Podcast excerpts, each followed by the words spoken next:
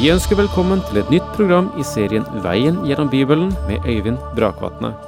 Denne studieserien er produsert av P7 Kristen Riksradio og bygger på serien Through the Bible av Vernon McGee. I dag fortsetter vi med gjennomgangen av andre Mosebok.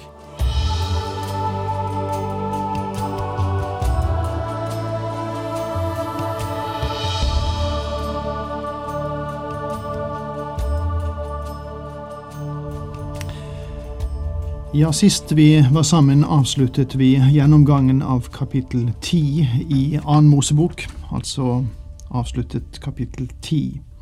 Så i dag begynner vi da på kapittel 11.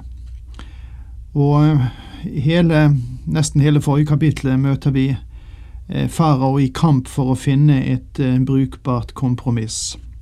Han vil redde noe av sitt skinn og noe av sin ære, og han eh, vil beholde israelittene I hele tatt så, mm, så kjemper han på eh, vikende grunn, men gir seg ikke.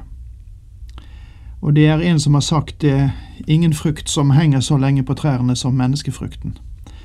Og slik, det er sant nok. Ingenting som henger så fast egentlig som egentlig vår menneskelige trang til å berge så mye som vi kan for oss selv. Men Gud inngår ingen kompromisser, det gjør han klart gjennom Moses og Aron. Og eh, farao blir vred på Moses fordi at han ikke kommer noen vei med ham, og han vil jage ham ut og sier at 'jeg vil ikke se deg for mine øyne'. Og da vet også Moses at han har sett farao for siste gang. Og så går de av sted. Og så kommer vi inn til det ellevte kapittel. Gud ber Israels barn i dette kapitlet om å låne smykker fra sine egyptiske naboer som betaling for de år med hardt arbeid de har tjent uten betaling. De førstefødte i Egypt trues med død hvis Israel ikke får lov til å forlate landet. Det ble spådd et stort skrik hvis egypterne tillater denne plagen å komme over dem. Og dette er det siste kapitlet i sekvensen om konfrontasjonen med farao.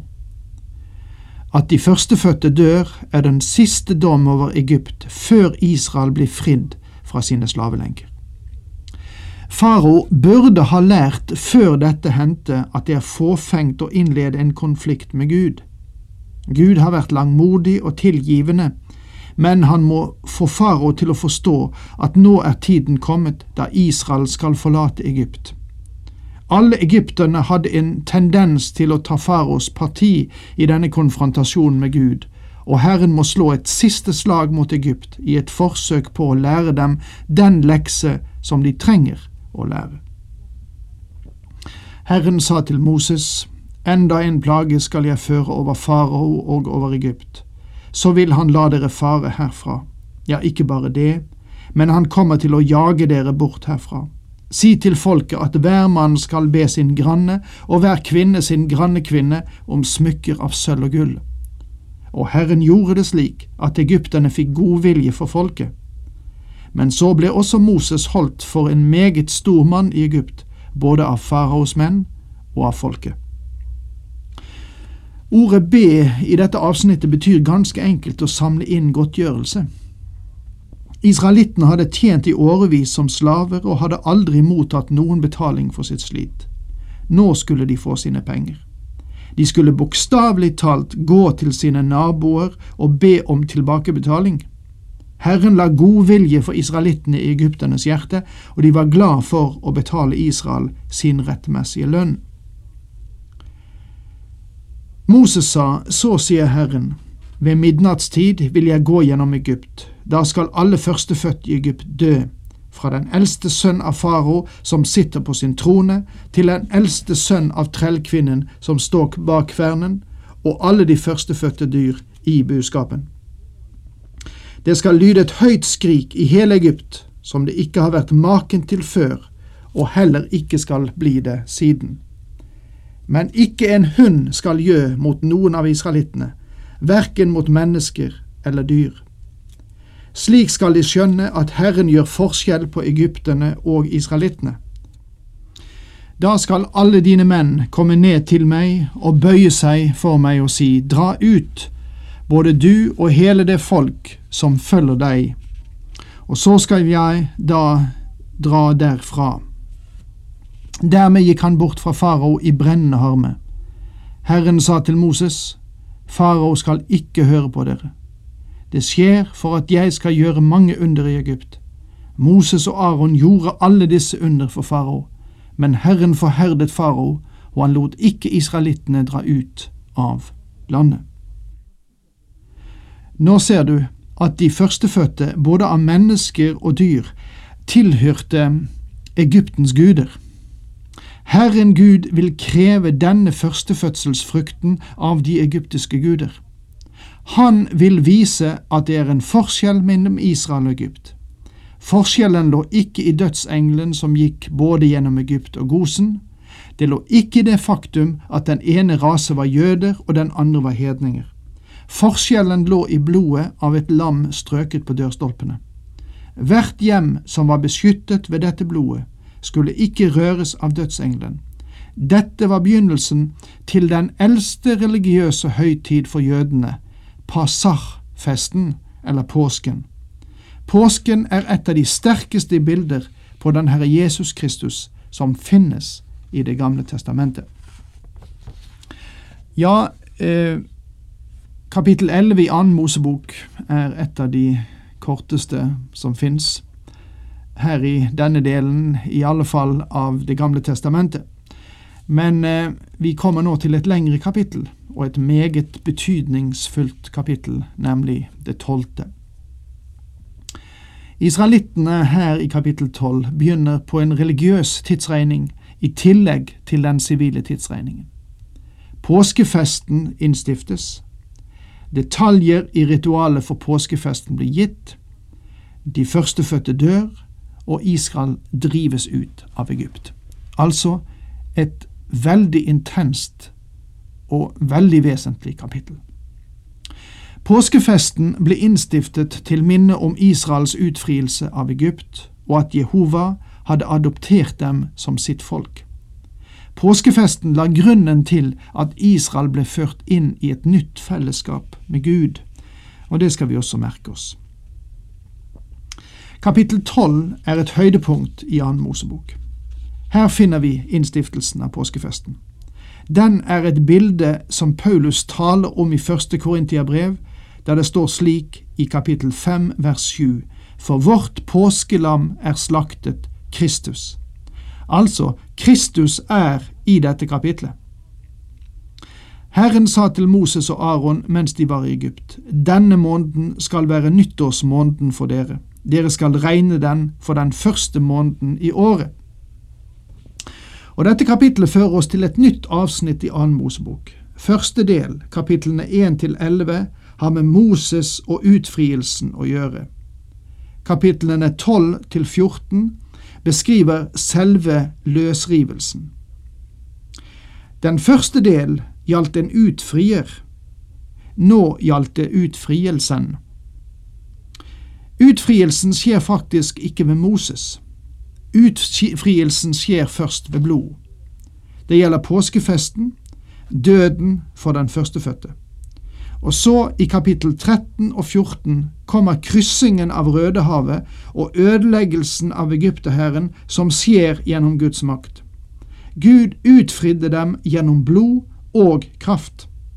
Og vår forløsning i dag, mine venner, er også ved blod og ved kraft. Blodet som den Herre Jesus Kristus gav på korset, og dermed betalte straffen for vår synd. Den hellige ånds kraft gjør dette virkekraftig og reelt i våre syndige hjerter. Profeten Zakaria kapittel 4 vers 6 sier det slik, ikke ved makt og ikke ved kraft, men ved min ånd, sier Herren, allherrs Gud. Forsoningen er Jesu verk på korset for oss, og Den hellige ånds verk i oss. Versene 1 og 2 i dette kapitlet viser oss at en nasjon ble født. Da Israel kom til Egypt, var det en familie. Da de dro ut fra Egypt, var de en nasjon. Det interessante her er at Gud legger vekten på familien fordi det er familiene som utgjør selve byggesteinene som en nasjon dannes av. Du husker hvordan farao tvang israelittene til å lage murstein uten halm. Hele tiden Israel var i fangenskap, skapte Gud byggesteiner av familier for å bygge et folk.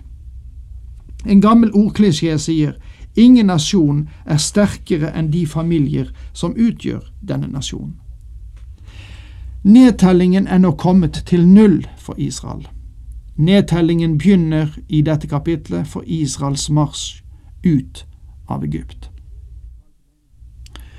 Si til hele Israels menighet, på den tiende dagen i denne måneden skal hver husfar ta seg ut et lam, ett for hver husstand. Det er to vesentlige ting som understrekes i dette verset.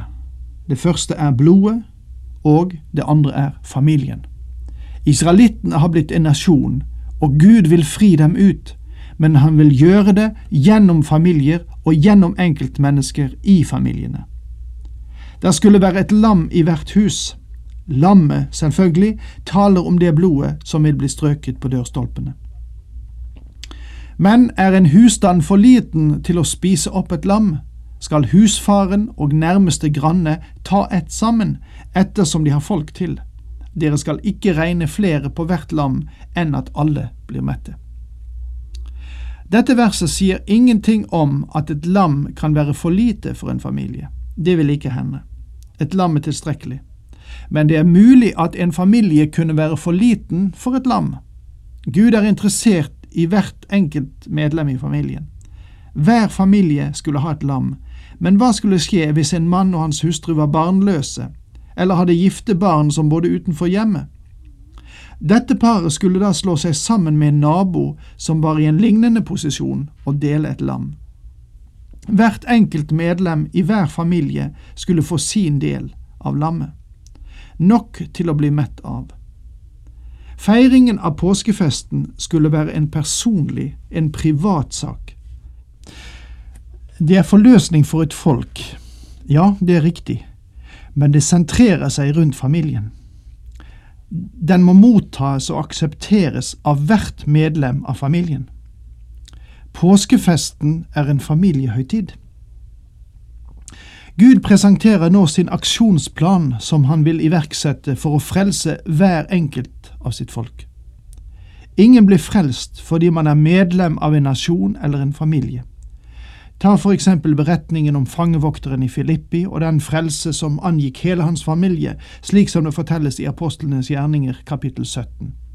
Hans familie ble ikke frelst fordi fangevokteren trodde, men fordi hvert enkelt medlem i familien gjorde en avtale med landet. Hver av dem måtte ha del i landet. Det var sant her. Hvert medlem måtte vise sin tro på den måten. Tro på den Herre Jesus, så skal du bli frelst, du og ditt hus. Det betyr ikke at om du tror, så vil også din familie bli frelst. Nei, din familie må tro på den Herre Jesus Kristus, og så vil de bli frelst. Hver enkelt må delta og få del i dette for å komme inn under den beskyttelse og forløsning som blodet strøket på dørstolpene bærer bud om. Og dermed må vi si takk for i dag, Herren med dere alle.